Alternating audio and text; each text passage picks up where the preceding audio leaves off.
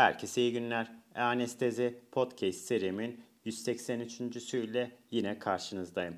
Bugün lokal anestezikleri kullanırken kullandığımız bir takım teknikler ve preop hazırlıklarından bahsedeceğim. Hazırsanız haydi başlayalım.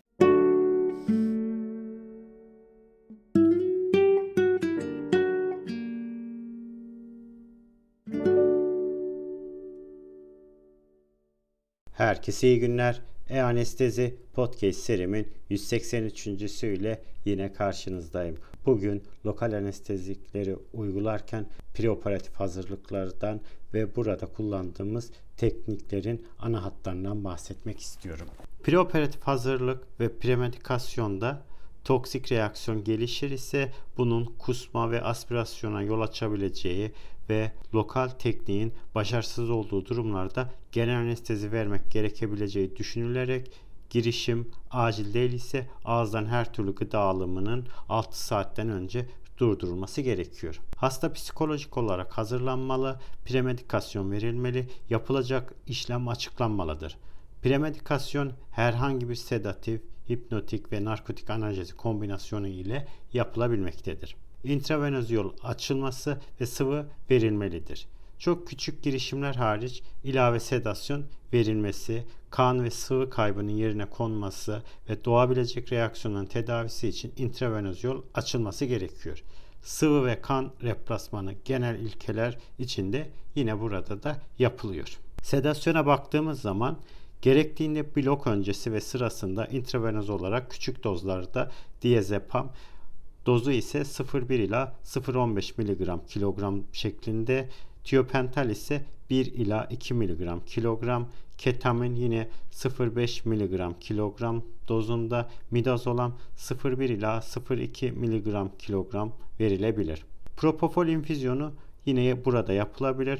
Burada girişimin süresi, tipi ve hastanın psikolojik durumuna göre seçim yapılabilir. Etkisinin çabuk kalkması nedeniyle özellikle büyük girişimler süresince propofol infüzyonu sedasyon için 3 ila 4 mg kilogram saat, anestezi için ise 7 ila 8 mg kilogram saat şeklinde uygulanabilmektedir. Teknik özelliklere baktığımız zaman Blok özel bir pozisyon gerektirmiyorsa hasta ameliyat masası veya sedyesinde yatırılarak veya yarı oturur pozisyonda steriliteye özen gösterilerek cildin hazırlığı, sahanın steril şekilde örtülmesi ve işaret noktaların iyi belirlenmesinden sonra uygun tipte ve volümde ilacın doğru yere enjeksiyonu ile yapılabilmektedir. Enjeksiyondan sonra yeteri kadar beklenilmeli ve blok yeterli olmaz ise izlenecek yol belirlenmelidir ve bunun gerekleri önceden hazırlanmalıdır. Etkinin tam olarak yerleşmesi bloğun tipine bağlı olmak üzere 30 dakikaya kadar süre alabilmektedir.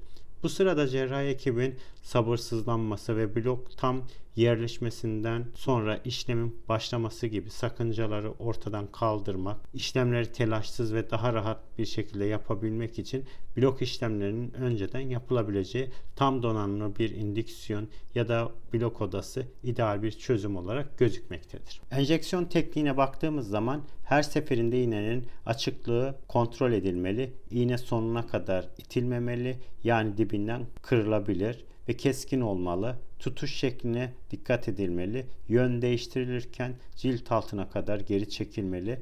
Kemiğe yavaş olarak yaklaşılmalı ve geri çekilirken dokuların yırtılmaması için iğnenin ucu bozuk olmaması gerekiyor. Bazı yöntemlerde bazı doku katlarının geçildiğinin ve direnç kaybının hissedilmesi gibi özelliklerden yararlanıldığı için künt uçlu iğneler daha uygun gibi gözüküyor. Setlerin içinde lokal anestezi ve blok için değişik kapasitelerde enjektörler bulunmalıdır ve direnç kaybı yöntemlerinde metal pistonlu cam enjektör direnç kaybının daha duyarlı bir şekilde hissedilmesini sağlamaktadır. Bloğun yapılacağı yere önceden 25 nolu iğne ile lokal anestezik cilt içinde bir intradermal yapacak şekilde değişik yönlerde aspirasyondan sonra infiltre edilmeli ve kan gelişi iğne geri çekilip tekrar girilmelidir. Enjeksiyondan sonra en önemli nokta ilacın etkisinin başlamasını beklemek ve blok yetersiz ise tekrarlanmalıdır. Özellikle epidural veya kaudal bloklar gibi bloğun yavaş geliştiği durumlarda yeteri kadar beklemeden girişime başlanılması yöntemin başarısızlığı şeklinde yorumlanabilmektedir. İntranöral enjeksiyon yapılabilir mi? Teorik olarak lokal anestezik enjeksiyonu sinire ne kadar yakın yapılır ise o kadar çabuk ve güvenilir blok elde edilir. Bu da ilacın sinirin çevresine değil içine verilmesiyle daha kolay sağlanabiliyor. Ancak kuşaklar boyu anestezistler bilime, mantığa ve içgüdüye dayanarak bunun yapılmaması gerektiği yönünde eğilim oluşmuştur. Ultrason kullanımının giderek sinire daha yakın, daha az volümde lokal anesteziklerle daha etkin blok sağlamak mümkün olmuştur. Sinir stimülasyon parametreleri, enjeksiyon basıncı, hastanın ağrı ve parestezi yakınması ile ultrason kriterleri intranöral enjeksiyonundan kaçınmak için yerleşik kriterler olup birçoğu bir arada kullanılıyor. Bunun ötesine bazı durumlarda ne gibi bu siyatik sinirde acaba intranöral enjeksiyon daha mı doğru olur şeklinde düşünceler oluşmuştur. Burada terminoloji kadar sinir yapısı da önemli hale gelmiştir. Siyatik sinir birçok sinirin ve bir arada olduğu birleşik bir yapıdır. Bu sinirleri çevreleyen paranöryum içine enjeksiyon yapılması gerçekte histolojik olarak sinir içi enjeksiyon olarak düşünülmeyebilir. Ancak yine de bir takım araştırıcılar küçük volümde ropivakain ile intranöral enjeksiyon yaptıkları hastalarda blok geçtikten sonra da nörofizyolojik inceleme ile compound motor aksiyon potansiyelinde 5. haftaya ve 6. aya kadar bloğun ötesinde devam eden bir azalma göstermişlerdir. Dolayısıyla günümüz teknolojisiyle ve bilgilerimiz içinde sinir içi enjeksiyondan kaçınmak gerekmektedir. İkinci konu ise lokalizasyon. Rejyonel anestezide ideal olan lokal anestezik ilacın hedeflenen sinire yeterli dozda ve gerek sinire gerekse çevre dokulara zarar vermeden enjeksiyon yapılmasıdır. Ancak bu yöntemler kör olarak yapılırken genellikle bazı işaret noktalarından ve sinir stimülatörlerinden yararlanılıyor. Bu konuda görüntüleme yöntemlerinin kullanılması giderek yaygın hale gelmiştir. Ve burada işaret yani referans noktalarında ise bloğun başarısı ve yan etkileri en aza indirgenmesi için bazı yüzeyel ve derin işaret noktaları iyi bilinmesi gerekiyor. Yüzeyel noktalarda kemik, diş, tendon, nabız ve damar gibi elle veya gözle fark edilen noktalar seçiliyor. Derin noktalar ise ancak iğne ucu ile hissediliyor.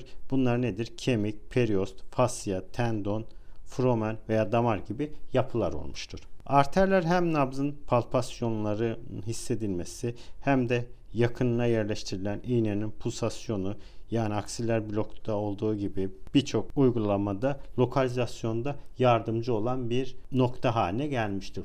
Lokalizasyonun doğrulanması için damar delinmesi artık günümüzde çok kullanılmayan bir teknik haline gelmiştir. Noktaların doğru lokalizasyonu uygulayanın deneyimine bağlıdır. Keçe uçlu kalem veya yakınma ile çıkmayacak boya ile de bunlar belirlenebilmektedir. Lokalizasyon sırasında parestezi özellikle aranmamalıdır. Ancak iğne ile ilerlenirken meydana gelir ise bir sinire dokunulduğunu gösteriyor. İlaç bu noktada yanı sinir içine verilmemeli. Yani iğne birkaç milimetre geri çekilerek verilmesi gerekiyor. Sinir stimülatörü kullanımı ise periferik blokların başarısını artırmak için özel bir sinir stimülatörü ya da sinir kas fonksiyonu izlemede kullanılan tipte bir stimülatör kullanılabilir. Negatif elektrot blok iğnesine pozitif elektrot da uzakta cilde bir yere EKG elektrodu ile tespit ediliyor ve hafif bir kas yanıtı uygulanarak 2 Hz hızlarında uyarı verilerek sinire doğru yaklaştırılıyor. Seyirme yanıtının maksimum olduğu yerde iğne durduruluyor. 1-2 milim ilaç enjekte ediliyor. Bu da 30 saniye içinde seyirme yanıtı ortadan kaldırmalıdır bu durum. Bundan sonra ilacın geri kalan kısmı burada enjekte ediliyor. Sinir stimülatörü kullanımı parestezi aranması gereksinimini ortadan kaldıran yöntem haline gelmiştir. Görüntüleme yöntemleri kullanmamızda ise direkt grafi, ultrason, bilgisayarlı tomografi, MR bu amaçla kullanılıyor. Fakat ultrason yaklaşık 25 yıldan bu yana lokalizasyonda kullanılmış olmasıyla birlikte son yıllarda kullanımı giderek artmıştır. Aletlerin gelişmesiyle bu durum daha kullanılır hale ve görünür hale, netleşmiş hale gelmiştir. Doppler ultrason ise arter lokalizasyonu ile özellikle brachial plexus bloğu yaparken iğnenin doğru şekilde yerleştirilmesinde kullanılıyor.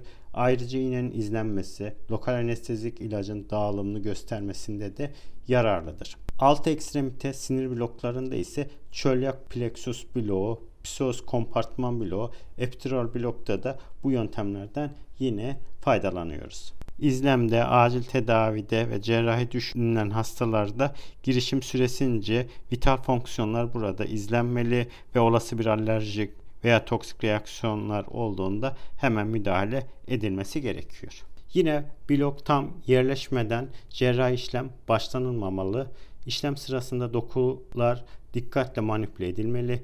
Ekartör nazikçe tutulmalı. Aşırı pozisyon değişikliklerinin özellikle ekstremitelerin aşırı gerilmesinden kaçınılmalıdır. Postoperatif dönemde ise hasta blok tamamen kalkana kadar izlenmeli. Nörolojik sekel olmaması için anestezide bölgenin pozisyonuna dikkat etmemiz gerekiyor. Evet, bugün lokal anestezikleri kullanırken dikkat ettiğimiz preop hazırlıklar ve işlem sırasında kullandığımız bir takım tekniklerin ana hatlarından bahsetmiş oldum. Bugün anlatacaklarım bu kadar. Beni dinlediğiniz için teşekkür ediyorum. İyi günler.